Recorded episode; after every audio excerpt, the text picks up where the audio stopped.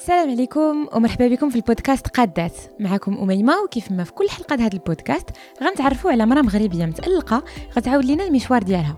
في قادات غنحاولوا نفهموا سر النجاحات عيالات مختلفات غنسولوهم على كيفاش تنظموا باش يحققوا أهدافهم وحتى شنو كانوا الصعوبات اللي تلقاو باش تكون تجربتهم بالنسبة لكل وحدة وواحد فينا مصدر الافكار جديدة وإلهام قوي للتحقيق حتى حنايا كل الطموحات ديالنا. لا قلت لكم والدراري والدراري والدراري البعض منكم غيفكر في الجروب ديال راب شايفين والبعض الآخر غيقول لي ميمة شنو هي العلاقة مع البودكاست؟ ولا قلت لكم دابا والبنات والمروكيات واللي جات وجايبات. دابا غتوضح الصورة أكثر وغتقدروا تعرفوا على الضيفة اليوم في قادات. في هذه الحلقة غنتعرفوا على المخرجة المنتجة والفاعلة الثقافية فاطمة زهراء بن شرقي اللي قدرات تلتحق بالميدان الإبداعي اللي كان كيهمها بعد دراسات وتجارب مهنية أولية ما كانتش في الأول موجهة في هذه الناحية. فاطمة زهرة شكرا على قبول دعوة القادات. باش نبداو هذا اللقاء كنقترح عليك في الأول تعرفينا شوية بنفسك. تقول لنا شكون هي فاطمة زهرة ومنين جاية؟ شكون هي فاطمة زهرة؟ أوكي. فاطمة زهرة je suis née كازابلانكا en 85 Aujourd'hui, j'ai euh, suivi la passion qui est la réalisation, la production de cinéma, mais ça n'a pas démarré comme ça euh, au début. Euh, j'ai commencé euh, dans le commerce. Euh, j'ai fait une école de commerce, j'ai fait euh, des études, tout ce qu'il y a de plus euh, sérieux, enfant modèle, je pense, on peut dire ça. Et, et voilà, et aujourd'hui j'ai changé de vie, on va dire depuis 8 ans. دونك قلتي لنا كبرتي في الدار البيضاء. بغيت نعرف في ديك الساعة فاش كنتي باقا صغيرة شنو كانت الأحلام ديالك؟ فاش كانوا كيسولوك مثلا شنو بغيتي تولي فاش تكوني كبيرة شنو كنتي كتجاوبي؟ كنت كنجاوب دي جي. علاش شنو كان كيعجبك في الدي جي لي ديسك الناس ma mère écoutait beaucoup de musique à la maison donc euh, c'est une passion qu'elle m'a transmise très tôt et euh, c'est passé une DJ directrice d'une radio euh, j'étais fascinée par les médias par la télévision ça a commencé très très tôt et je pense que tous les enfants des années 80 à 90 on était tous très exposés à, la télévision et aux médias hmm. بصح وشنو طرا علاش من بعد قلتي غادي ندير التجاره واش شي شي واحد اللي قال لك هذا هو الطريق الصحيح ولا شنو كيفاش اختاريتي التوجيه ديالك التوجيه ديالي il s'est basé sur la notion qui est très importante pour moi je pense que j'ai eu depuis mon enfance je sais pas pourquoi je sais pas d'où ça vient mais c'était la, la quête d'indépendance financière je pense que ça vient aussi de mon père j'étais très proche de lui. Et euh, il m'a éduquée euh, sans différenciation de genre euh, fille garçon il me disait il faut être indépendante il faut que tu que tu sois autonome il faut jamais que tu dépendes de quelqu'un donc j'ai un peu eu cette idée qu'il fallait travailler c'est une valeur qui est très importante d'ailleurs qui m'a transmis travailler être sérieux et indépendant donc pas de place pour tflia pas de place pour mmh. des choses un peu futiles et c'est quelque chose que j'ai eu en moi très jeune je suis quelqu'un de très raisonnable on choisit pas comme on est, notre caractère. Et moi, c'est quelque chose qui est arrivé très tôt. Mm. Euh, et ça, combiné au fait que j'avais de bonnes notes. Donc, quand on a des bonnes notes, euh, en général, on vous dit pas, va, deviens DJ ou là, deviens. Euh, Au contraire, on essaye de tempérer. Exactement, ouais. Et euh, j'exprimais pas le côté artistique que, que j'avais en moi, ou là, les rêves, c'était, c'était des choses pour moi qui étaient à part. Et très vite, le, le, le, circuit scolaire, on t'oriente vers des choses euh, communes, un, profil un peu, ce qu'on appelle euh, le programme un peu généraliste, et on te dit cette phrase que je déteste, ne te ferme pas de porte. Fais une école de commerce, fais de la finance, fais ça, ne te ferme pas de porte, parce qu'avec ça, tu pourras faire ce que tu veux après. Ce qui est pas faux. Ce qui est pas faux. Et ça t'a ouvert beaucoup de portes? Ça m'a ouvert beaucoup de portes, ça m'a en tout cas appris ouais, la, la rigueur euh, dans le travail qui euh, peut être euh, appliqué partout,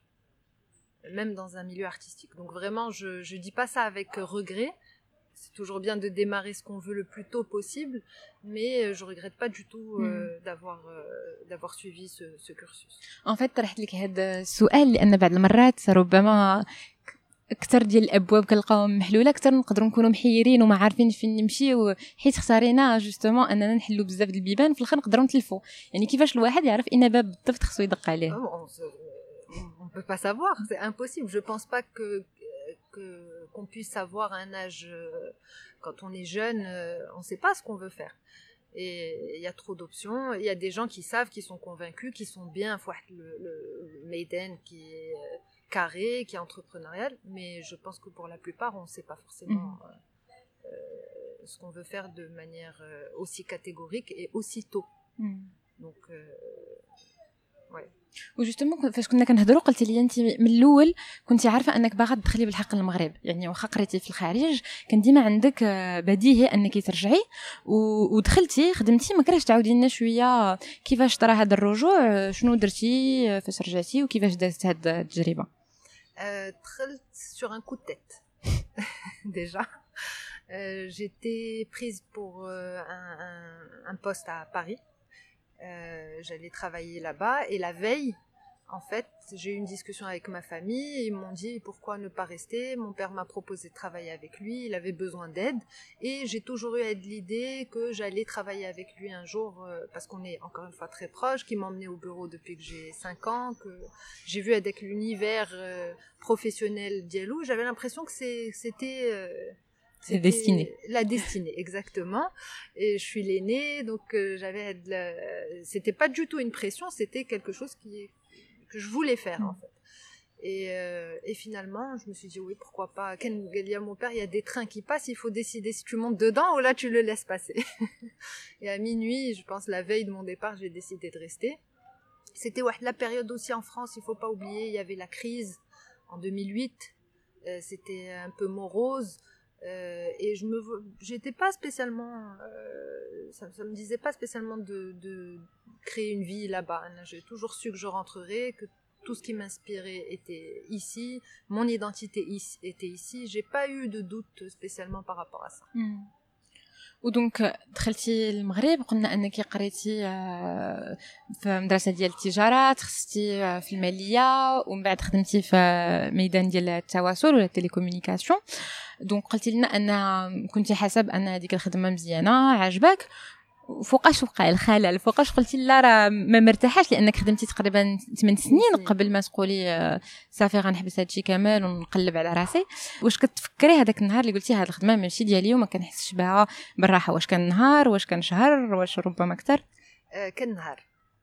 نهار بالضبط آه سيتي في واحد لو سيمينير آه في دبي. de séminaires techniques où j'étais avec euh, plein de, fournisseurs, euh, de gens euh, qui travaillent dans ce domaine des télécommunications.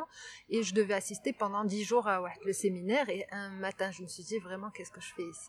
Qu'est-ce que je fais là? C'est pas ma place. J'ai pas envie de faire ça au quotidien. Pas parce que ça m'intéressait pas, mais j'ai eu la frayeur où je me suis dit, pour être bon dans ce qu'on fait, il faut aimer ça. Il faut se réveiller le matin en se disant j'ai hâte de, faire le, travail, j'ai hâte de gérer le problème, même si c'est pas un plaisir au quotidien, mais il faut euh, être passionné pour réussir dans ce qu'on fait. Et j'ai eu très peur d'être en train de faire une erreur. Donc euh, c'est là où vraiment j'ai commencé à me poser des, des, questions et à me dire il faut peut-être euh, changer quelque chose. Même si j'ai adoré ça pendant huit ans, j'ai perdu un peu هذاك je me suis essoufflée à un moment donné ومن بعد شنو درتي دونك هذاك النهار حسيتي برا ما هذيك ماشي بلاصتك شنو درتي من بعد دخلتي للدار قلت لهم خرج من والو ما درت بقيتي شاكه كيفاش عشتي مع داك الشك بقيت شاكه pendant un an et demi un an et demi وانا كنخمم en train de me poser des questions paralysée par la peur je comprenais pas ce que ce que j'étais en train de, de faire c'est ça a été un chamboulement euh, c'est comme si j'avais eu ouais, la, révélation, mais je savais pas comment, ni ce que je voulais faire d'autre, ni qui j'étais, comme si je m'étais jamais posé la question. Et je me suis dit, en fait, on ne nous apprend pas spécialement à se poser les questions. On revient au cursus scolaire ou là à la société marocaine ou là à son éducation euh, par rapport aux parents. Euh, je pense pas qu'on le, le, développement personnel, les notions de le bien-être, l'épanouissement, c'est pas forcément des choses euh, sur lesquelles on, on s'attarde, je pense, dans notre culture. Mmh. Et, et j'avais pas les outils pour me poser les questions en fait. Donc euh, ça a pris beaucoup de temps et j'ai peut-être fait l'erreur de pas en parler tôt, de rester bourdier en train de de ressasser, de me dire euh, qu'est-ce que je fais, où je vais, cette sensation d'être complètement perdue. Peut-être que j'aurais dû en parler un peu avant, au moins même à des amis ou à mes frères et sœurs, mais je l'ai pas fait. ودونك عام ونص وانت كتسائلي كتقولي شنو غديري من بعد ديك العام ونص شنو لقيتي الحل حلمتي عاودي لنا لقيت الحل جي في اون رونكونتر مع واحد l'espagnol qui était de passage que je connaissais pas spécialement avec un groupe d'amis et il a j'ai commencé à lui poser des questions sur sa vie et qu'est-ce qu'il faisait et sa vie il y avait dix chapitres. Il avait fait dix métiers différents, il avait vécu dans plein de pays différents, et ça paraissait tellement naturel chez lui. Euh, il y a la notion de la catastrophe imminente, le, le fait que ce soit dramatique de faire un changement dans sa vie. Lui, c'était quelque chose de tellement logique, logique, oui, pas du tout euh, négatif, que ça a changé moi ma vision des choses. En fait, je me suis dit, il faut pas dramatiser, il faut pas en faire quelque chose de catastrophique. On peut, on peut rien n'est irréversible. Je peux prendre un moment, en tout cas, pour tenter. Hmm. وداكشي اللي درتي داكشي اللي درت قالوا لي كتبتي واحد الميل كتبت واحد الميل عاودي لنا المن شنو كتبتي فيه كيفاش قنعتي الناس يتلاقاوك en fait Anna j'ai toujours su que le cinéma me, passionnait ça, pendant les un an et demi en fait on te dit quand tu veux acheter une voiture rouge quand tu commences à conduire tu vois que des voitures rouges autour de toi. Tu les remarques beaucoup plus. Et en fait, pendant les un an et demi, finalement, le fait de me poser des questions, je repérais vraiment tout ce qui m'intéressait. J'entendais des choses à la radio sur ce qui se passait l'audiovisuel au Maroc, je le notais. Euh, ça, ça a finalement porté ses fruits. Et quand j'ai rencontré de la personne qui m'a créé un petit choc euh, mental, je suis rentrée et je me suis dit, ouais, regarde, au moins fais une recherche internet qui travaille l'audiovisuel au Maroc, qui produit des choses euh, pas mal. Je me suis dit, tiens, les films de Nabil Ayouch, ils sont pas mal, pourquoi je verrais pas qui, qui les produit? Et j'ai découvert qu'il avait euh, une société de production et j'ai trouvé son email. Et euh, bon, bien sûr, je me suis dit, c'est pas, c'est pas son vrai email. Mm. et j'ai écrit, j'ai écrit un texte très honnête, en pensant qu'il y aurait personne à l'autre bout du fil, en disant, voilà, j'ai 29 ans, je suis en train de réfléchir à changer de vie, euh, je ne sais pas à qui parler. C'est-à-dire qu'autour de moi, dans mon environnement proche, je ne connaissais absolument personne qui avait euh, une carrière artistique ou qui évoluait fait le, fait le milieu. Donc je savais même pas à qui m'adresser. Et euh, je lui ai dit, voilà, je ne cherche pas de travail, je veux juste quelqu'un qui peut me conseiller. et je suis rentrée chez moi comme si de rien n'était, jusqu'au moment où j'ai reçu un appel de, sa société de production. Ils m'ont dit euh, vous vous rencontrez demain 14h euh, si tu es disponible. voilà, donc je m'y attendais pas du tout. Et à ce moment-là, euh, j'y vais, mais je préviens personne autour de moi. C'est-à-dire qu'il y a zéro personne qui, est au courant de, ce rendez-vous. Et moi Et moi, il m'a reçu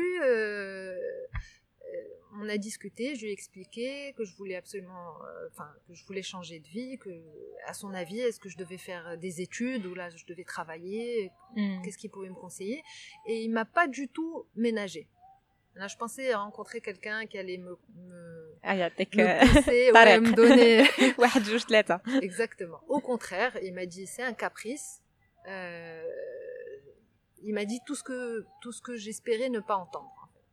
On me dit tu as l'air d'une banquière, tu c'est probablement un caprice, etc. Et en fait, en faisant ça, il a réveillé quelque chose en moi. C'est là où il m'a donné euh, l'envie de le convaincre en fait. Au fond de moi, j'ai pas, je me suis pas dit Nelly, il a raison. Ça, ça m'a révélé à quel point j'avais envie de ça. Je lui ai dit, mhm. moi j'ai mis 30 ans à, à me convaincre, j'ai pas le temps de convaincre quelqu'un d'autre. C'est ce que je veux faire. Euh, je n'ai aucun doute là-dessus. Et en fait, la conversation, elle m'a, elle m'a surpris moi-même parce que je me suis mm. rendu compte à quel point j'étais déterminée. Et je pense que c'est exactement ce qu'il, il savait très bien ce qu'il, ce qu'il faisait, c'est ce qu'il voulait savoir. Et, euh, et, voilà, à la fin du rendez-vous, il m'a proposé un stage. C'est génial.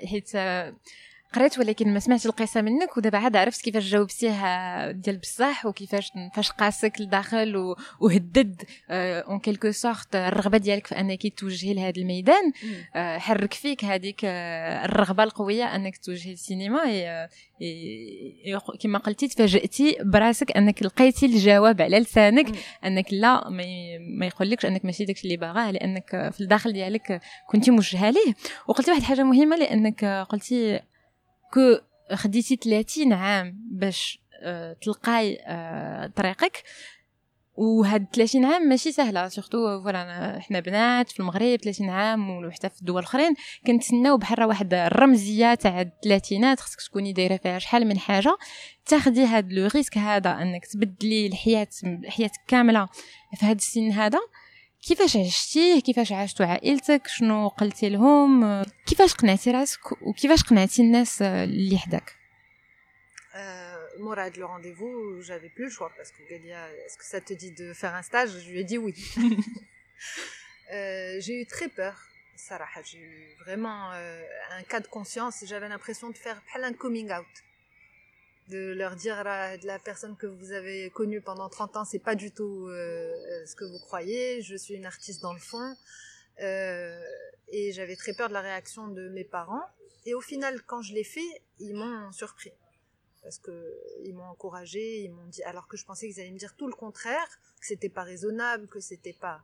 Et euh, vraiment, c'était une surprise totale de voir qu'ils me disaient, bah, fais, fais ce que tu veux, là, tu es, tu es responsable de ta vie, tu es responsable de ton avenir. Nous, on ne peut pas faire euh, des choix à ta place. On te conseille, mais au final, on euh, on va pas être là mm. pour t'aider. Tu as pas de, de, il faudra que tu l'assumes à 100%. Et ça m'a, ça m'a beaucoup surpris et ça m'a déçu de, de l'image que j'avais moi à la base de, de, comment mon entourage allait réagir. Mm.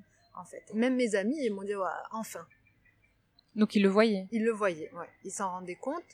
Et euh, ils m'ont poussé, ils m'ont dit que c'était génial. Et surtout, arriver à 30 ans, comme tu as dit, où tu es dans une situation, on va dire, confortable et que tu es censé euh, créer une vie dans les codes de la société, euh, se retrouver à faire un stage non rémunéré, c'est pas l'idéal du, parcours. Mais ça, ça, joue beaucoup dans la, peur. Hmm. Je pense qu'on on fait beaucoup des, des comparaisons en disant non, mais quand on a les moyens, ou là, quand on n'a pas les moyens, il y a toujours une excuse pour ne pas sauter le pas. Mhm. Que ce soit le confort, bien gagner sa vie, on n'a aucune envie de retourner à quelque chose de, stressant, que ce soit euh, les parents, que ce soit l'entourage, que ce soit peut-être détruire euh, sa cellule euh, familiale proche si quelqu'un est marié. Il y a toujours une excuse, mais en réalité, il faut, si on n'affronte pas, si on confronte pas les gens autour de nous, qu'on n'en parle pas, on ne sait jamais comment ils vont réellement mm-hmm. réagir.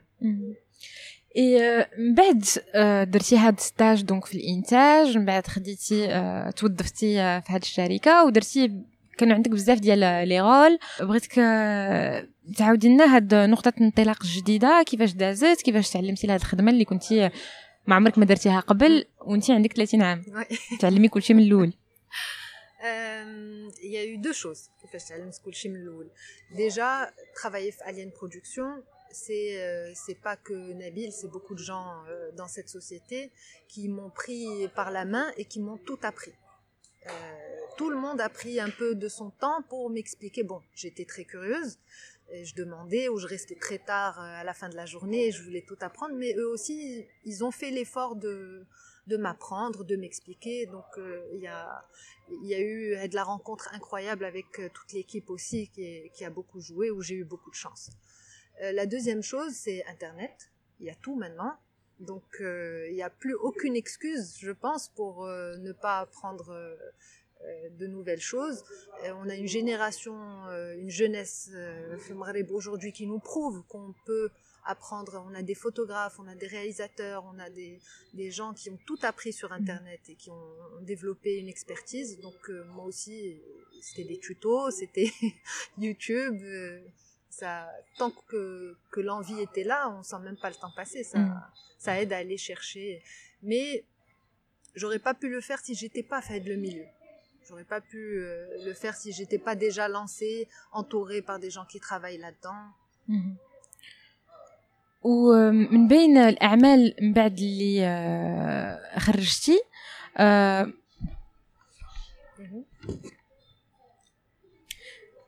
من بعد هاد التجربة في الإنتاج واحد النهار غيجي وغتقرروا تنتجوا واحد الشركة جديدة آه، اللي سميتها جوجاب آه، اللي آه، هي انكوباتور أو حاضنة للمواهب في واحد الوقت اللي ما كناش كنعرفوا هذا المفهوم شنو هو اللي كان ربما الديجيتال في المغرب والانتاج الانتاجات اللي دايرين بحال هكا ما كنعرفوهمش بزاف. آه كيفاش جاتكم هذه الفكرة؟ كيفاش طورتوا بلورتوا هذا المشروع؟ ومن بعد شنو هو الدور اللي غتلعبي في تأسيس هذا هذه المغامرة الجديدة؟ جوجاب en fait c'est l'idée qui était déjà très longtemps euh, pendant très longtemps en cours de, de maturation l'esprit de Nabil.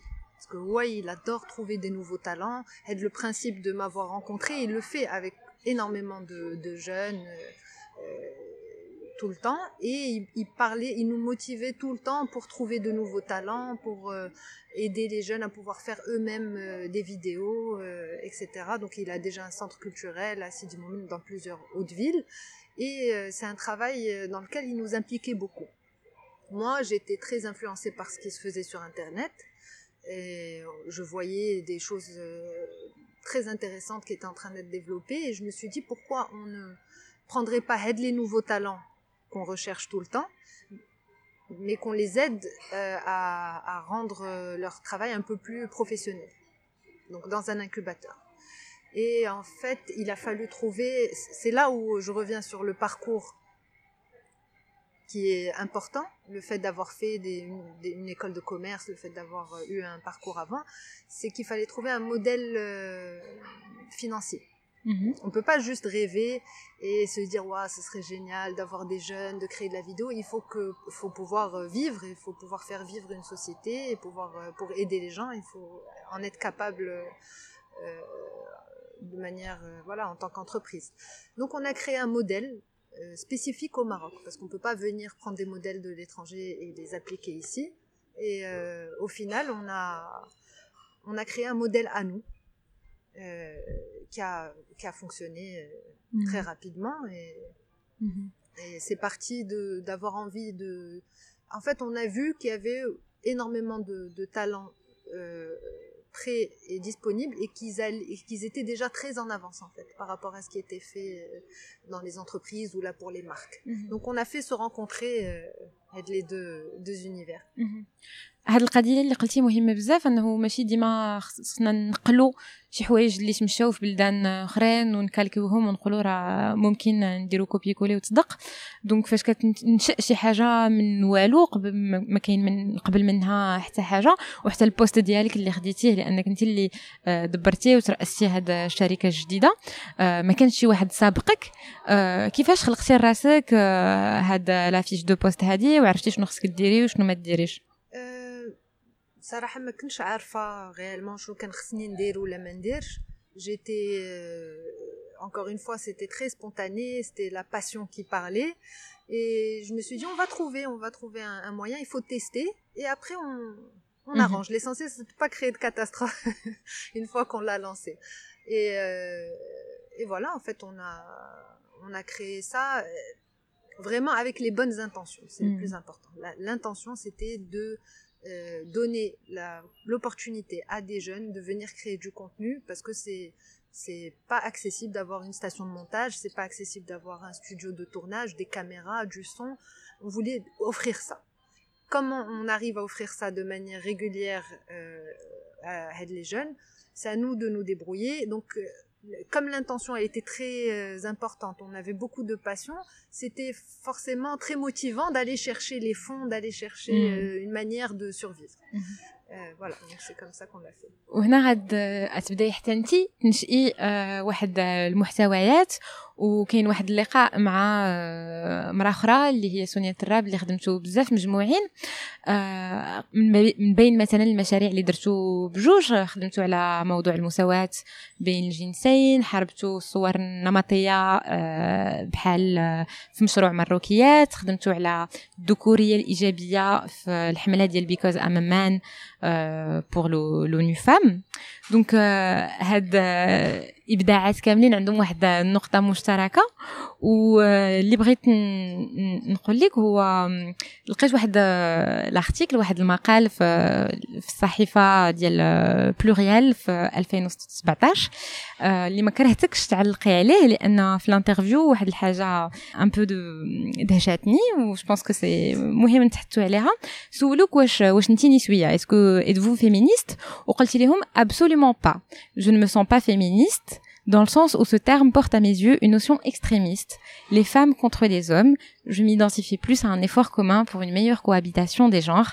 Les hommes aussi subissent une pression sociale forte. Tout le monde est enfermé dans des schémas, des carcans qu'il est temps de briser. يعني لا بغينا نترجموها ما كتعرفش براسك انك نسويه لان هذا المصطلح كيحمل بالنسبة لك فكرة متطرفة.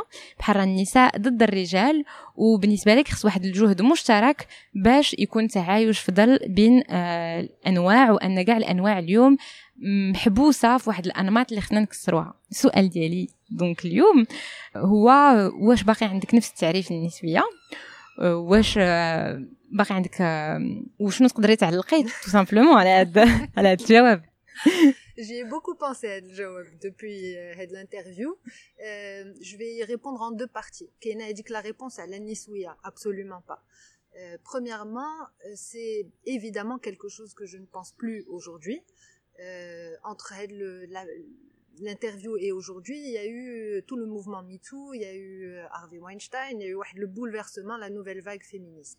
Penser que les femmes n'ont pas appris de ce mouvement, euh, serait complètement fou, en fait. Parce qu'on pense que c'est que pour que euh, euh, la société patriarcale comprenne mieux nos, nos, problèmes. Mais non, ça nous a servi à nous aussi pour mieux comprendre comment, même au niveau verbal, comment mieux formuler les choses.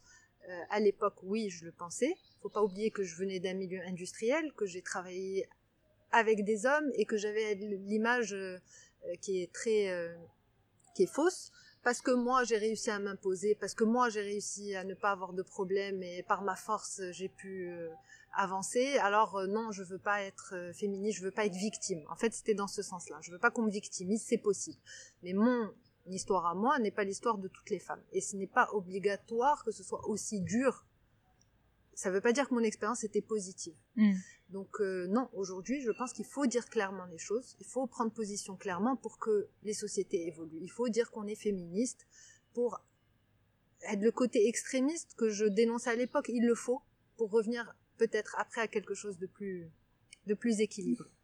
Euh, sur la deuxième partie, je le pense encore que tous bah, la, question du genre elle est plus complexe que les côtés binaires euh, noir et blanc qu'on traite d'habitude. D'ailleurs, le, le, j'ai fait un documentaire après Ouadrari sur des garçons et la, question de, la place de l'homme dans la société marocaine, elle me parle énormément.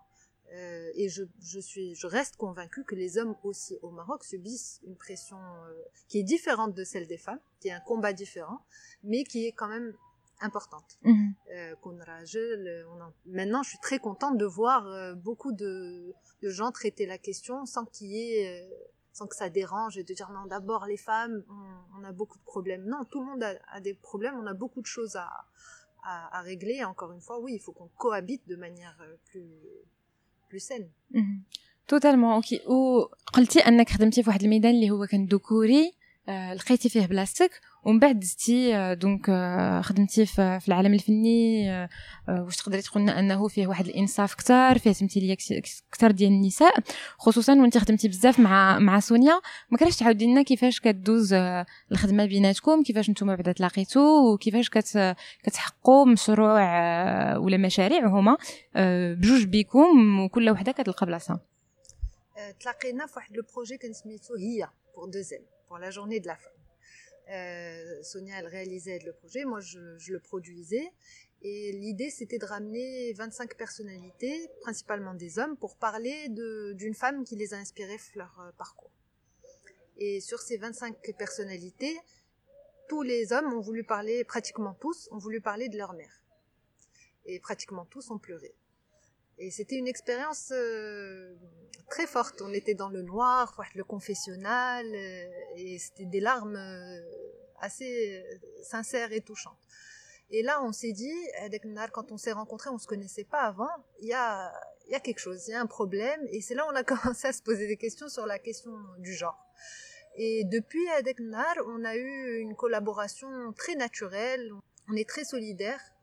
Euh, et euh, depuis ce jour-là, on n'a pas, on n'a pas arrêté d'échanger. Même quand on n'est pas en train de travailler sur des projets communs, on échange sur euh, les choses qu'on voit, qu'on on commente la société et ce qu'on qu'on expérience en général autour de nous. Ça fait du bien parce que tu m'as dit j'étais euh, un peu machiste avant et en tout cas très masculin. Euh, le monde de l'audiovisuel, du cinéma, c'est aussi un cas particulier, très compliqué. Et on le sait qu'il y a des problèmes très importants dans ce milieu-là, dont on parle pas encore beaucoup, mais qui, sont flagrants ça fait du bien de trouver une, une autre femme euh, et qu'on puisse se soutenir comme ça, qu'on se pousse. Elle m'aide sur des projets, moi je l'aide sur des projets sans que nos noms apparaissent. Et euh, je pense que c'est vital en tout cas. Je sais qu'il y a beaucoup, beaucoup de d'autres femmes qui, qui le font. Je sais qu'il y a souvent on, reçoit du soutien euh, nous aussi et on essaye d'en donner. Je pense que ouais c'est c'est c'est très important de de faire ça. نرجعوا دابا على الافلام ديالك اللي درتي نوتامون بزاف الناس تعرفوا عليك عن طريق دوزام اللي شفنا فيه نوتامون الدوكيومونتير والدراري على الفرقه الراب شايفين الحاجة اللي كتبان لينا هو أنهم هاد الجروب ولا الناس اللي كتصوري كيثيقوا فيك كيفتحوا ليك باب دارهم كيهضروا لك على مواضيع اللي هي خاصة بهم. بغيت نعرف فاش كتاخدي الكاميرا وكتحطيها وسط عائلات ووسط في الحياة ديال الناس. كيفاش كتقدري تخلقي معاهم واحد القرابة؟ كيفاش كتقدري تخليهم أنهم يرتاحوا ليك والكاميرا ديالك؟ Le, documentaire c'est la création de la, confiance avec ces personnages. C'est principalement ça. Après, qu'il y a la caméra ou le son. Mais avant tout, c'est convaincre quelqu'un euh, de, donner une partie de sa vie, pas seulement au réalisateur, mais euh, au public en général, ce qui est quelque chose qui est, très dur. Euh, pour euh, on en a beaucoup parlé avant. On est resté plusieurs euh, soirées à discuter pour que je leur explique exactement ce que je voulais faire. Et une fois qu'ils ont une bonne image du, projet, ça y est, de lâcher prise et de me faire confiance. Euh, donc je pense que c'est... Je les ai suivis, j'ai pris une caméra. Oshana, j'ai l'air d'écouter du rap. Je te pose la question, je pense pas. Quand tu me vois, honnêtement, j'aurais pas su répondre parce que en fait بزاف الناس كنعرفهم كيسمعوا دابا ربما راب فرنساوي و سورتو كو لا سين جديده ديال المغرب مبدله بزاف كاين شايفين كاين توتو كاين بنات مثلا دابا مع أختك مع بزاف ديال ديال الشباب اللي بداو كيبدلوا النظره النمطيه ديالنا على الراب و وربما انت كدي ليا واش الخدمه ديالك غاده في هذا النساق ولا لا وي دونك سيتي اون باسيون à la base mais ça se voit pas spécialement donc euh, c'est aussi en disant les choses en allant chercher les choses que qu'elles se produisent donc, quand je les ai rencontrées et qu'on a parlé on avait beaucoup de choses en commun et ça aide aussi beaucoup à, à faire un film et à laisser euh, à ce qu'ils nous laissent euh, rentrer dans leur vie dans leur intimité moi au début quand je les ai rencontrés euh, j'ai pris une caméra, je savais pas utiliser une caméra, je les ai suivis sans même me poser de questions et c'est une fois que je me suis retrouvée dans le dans le projet qu'il a fallu que voilà que que je m'en sorte, que j'apprenne et la vérité ils m'ont beaucoup aidé Ils étaient ils étaient très collaboratifs et je pense que le fait de démarrer mon premier documentaire avec des artistes ça aide aussi parce qu'ils ont ils ont compris euh, et comprennent aussi les contraintes comprennent ce, ce milieu-là. دونك قلتي لنا انه كيعجبك الراب آه وهذا الشيء اللي دفعك انك ديري هذا الدوكيومونتير لا Non, c'est pas le rap qui m'a poussé à faire ça, c'est un bonus en Uh-huh. plus. دونك كيفاش Mais- كتختاري المواضيع ديالك par exemple, je suis persuadée qu'il faut avoir un. Les, les films documentaires, on parle de, soi en tant que réalisateur aussi beaucoup. C'est des choses qu'on veut exprimer, qu'on ne sait pas forcément exprimer, ou là qu'on n'a pas envie d'être euh, devant euh, devant la caméra, et on trouve des personnes qui qui cristallisent aident les les idées. Eux, ce qui me passionnait, c'était le fait qu'ils aient suivi leur passion. Donc moi qui ai mis 30 ans à suivre la mienne, j'étais fascinée par euh, deux garçons qui, euh, dès le début, savaient exactement ce qu'ils voulaient faire. Et encore une fois, on en revient à- aux excuses qu'on peut se donner. Eux, ils avaient toutes les excuses du monde pour ne pas le faire. Et pourtant, ils ont foncé. Donc j'étais fascinée par ça.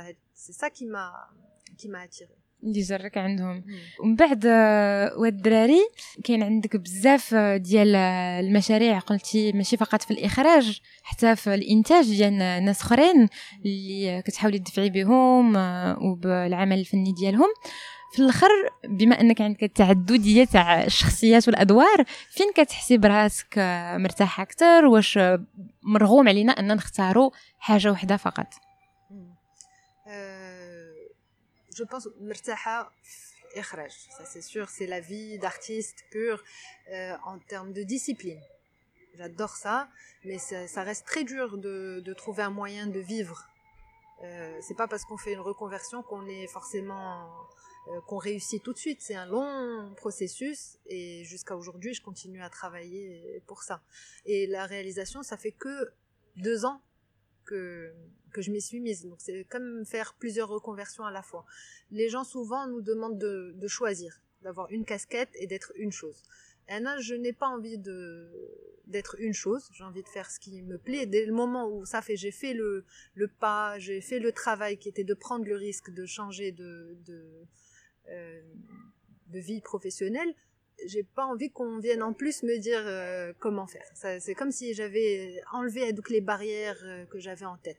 Bien sûr qu'il faut faut être raisonnable, on peut pas tout faire, mais euh, les Américains sont très intéressants par rapport à ça, où ils ont plein de, ils se lancent des challenges, ils rendent pas les choses trop compliquées.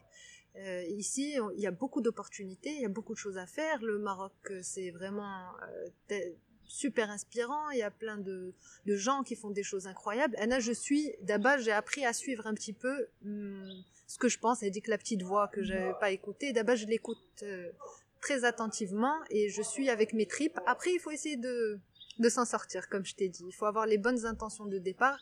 Une fois que tu, tu fais le saut, tu essayes de construire le parachute et, et de te dire, je vais retomber sur mes pieds. وربما من هاد التجربة اللي عندك دابا اللي كتحاولي كما قلتي تمشي بواحد النية حسنة ومن بعد يحل الله كما كنقولوا وتشوفي فين غادي توصلي. آه، باش كتسمعي هذاك الصوت الداخلي ديالك كيفاش اليوم كتقدري تسمعي ليه كيفاش كتقدري توضحي آه، هاد الصورة. يعني إلا بغيتي تقول لنا الناس اللي ربما حايرين ربما شاكين ربما متردين كيفاش يكون عندهم هذاك الهدوء وراحه البال باش يقولوا كيفاش نسمع لراسي ونمشي فين راسي قا- قال لي ومن بعد ادفيندرا كي بوغا La vérité, j'ai pas de- le- le- Le l'expertise recul. psychologique pour, pour donner un conseil. Je pense, je pense sincèrement qu'on l'entend tous. Voilà, On le sait au fond de nous. Rire, On a peur parfois de. Il faut juste euh, enlever toutes les raisons pour lesquelles on veut pas le faire. Parce que quand on pense à ce qu'on veut faire, euh, ou là ce qui nous inspire, ou là ce qui nous passionnerait, je, je sais que la plupart du temps on écoute surtout pourquoi on ne devrait pas le faire. Aux contraintes. Là, mais quand même, non, mais j'ai le travail, non, qu'est-ce que je vais décevoir quelqu'un, je vais c'est juste éteindre les voix négatives et se dire bah, demain si on me donne l'opportunité pendant dix jours, juste dix jours de faire ce que je veux, qu'est-ce que je ferai? Je pense que tout le monde a une réponse à ça au fond, même si c'est complètement fou. Qu'est-ce que ça coûte juste de, de rêver sur Mm. sur euh, sur dix jours, c'est pas c'est pas mortel. Mais après, ça veut pas dire que c- ça reste un risque très très important. C'est sérieux, c'est pas c'est pas rien. Mais tant que on tente pas, on peut pas savoir. C'est impossible. اي فاش اونطونت واش ديما كيكون عندنا واحد اللحظات اللي ديما كنكونوا تايقين في داكشي اللي درنا ديما متوازنين ولا ça fait partie du jeu. Les moments de, de remise en question si on a euh, ou là euh, euh les euh, honnêtement c'est très dur. C'est très dur. Elle reste euh, pendant très longtemps. Bon il y a avec le syndrome de l'imposteur que tout le monde a apparemment. C'est pas que quand on fait une reconversion qui est difficile mais il y a aussi des c'est quand on joue sa vie c'est c'est pas rien. Donc euh, oui, il y a toujours des doutes, surtout le milieu artistique, c'est un doute permanent, c'est beaucoup de stress. Euh, il faut juste que les rares moments où on arrive à faire ce qu'on aime, il, vaille le coup. Mm. Euh, moi, quand j'étais en tournage sur scène, ma fine, et que je me disais, je suis arrivée, je suis là avec une caméra en train de filmer ce film, je me disais, je donnerai ma place à personne d'autre pour ce moment-là. pour ce moment. Mais c'est des moments qui sont très rares.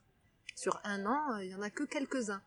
Donc, euh, encore une fois, même être indépendant économiquement, c'est très dur. Donc, les doutes, le, le revers de la médaille, il est présent quand on fait un film et que à la fin il sort, il y a personne qui dit à la fin du film le générique, Rahed Sida, elle le fait que depuis un an et demi, ou là, il n'y a, pas écrit c'est son premier film. Donc on est comparé avec des gens qui font ça depuis des années. Il y a de la crainte d'être, euh, de pas réussir, d'avoir fait une erreur. De moi je l'ai jusqu'à jusqu'à aujourd'hui. Je me pose encore des questions sur est-ce que j'ai bien fait ou pas mais j'avance, mhm. j'avance, j'avance. Je me laisse euh, un petit moment pour réfléchir à ça et après j'éteins de la voix et j'avance.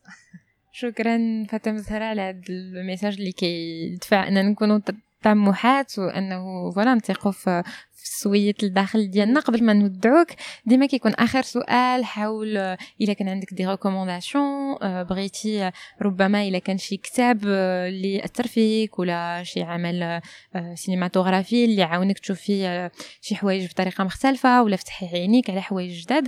ما كرهناكش تشاركيه معنا. أنا غنشارك واحد لو فيلم دوكيومونتير اللي سميتو دي دي مور اي دي زوم ديال دليل النادر Euh, qui est un film documentaire que j'ai vu euh, quand il est sorti. Et le, le film, il m'a, il m'a beaucoup influencé. je pense qu'au fond de moi, elle dit que la petite voix, elle m'a soufflé à l'oreille, c'est ça que tu veux faire. Et mon rêve, c'était de, de faire ce que j'étais en train de voir à la télé sur, euh, sur 2M. Et j'ai revu le film plusieurs fois, euh, entre le moment où j'ai fait ma reconversion et aujourd'hui. Et je, je, garde à chaque fois de la même, euh, le même attachement à ce travail d'Elila Nadr, qui est une réalisatrice euh, extraordinaire, euh, qui, est, décédée il y a, pas très longtemps. C'est, une, comme une espèce d'idole dans ma tête. Souvent, on a des idoles qui viennent de l'étranger et tout. Moi, j'étais très heureuse de trouver quelqu'un qui m'inspire dans mon pays et qui parle au marocain. Et vraiment, je recommande beaucoup ce film qui est très touchant, qui est magnifique et qui n'a pas vieilli jusqu'à aujourd'hui. شكرا بزاف فاطمة زهراء ميرسي كانت هذه الحلقة مع فاطمة زهرة بن شرقي اللي شاركتنا تجربتها مع التغيير واللي من خلال قصتها الشجاعة فهمنا علاش من المهم نتخطاو الخوف باش نطوروا ونعطيو لراسنا فرصة في تجارب جديدة. تقدر تليق بنا أكثر. فشكرا لفاطمه الزهراء على قبولها دعوه قادات وشكرا لكم نتوما على الاستماع والوفاء ديالكم. وشكر خاص أيضا لسمية كمال الادريسي وسابرنا بن محمد على مساعدتهم في تحضير البودكاست. كنتمنى تكون هذه الحلقة عجباتكم وأنكم ما غاديش تردوا تشاركوها مع ناس كثير عزاز عليكم. دابا جا الوقت نقول لكم بسلامة ونعطيكم موعد. من هنا 15 يوم في حلقة جديدة مع قادة جديدة.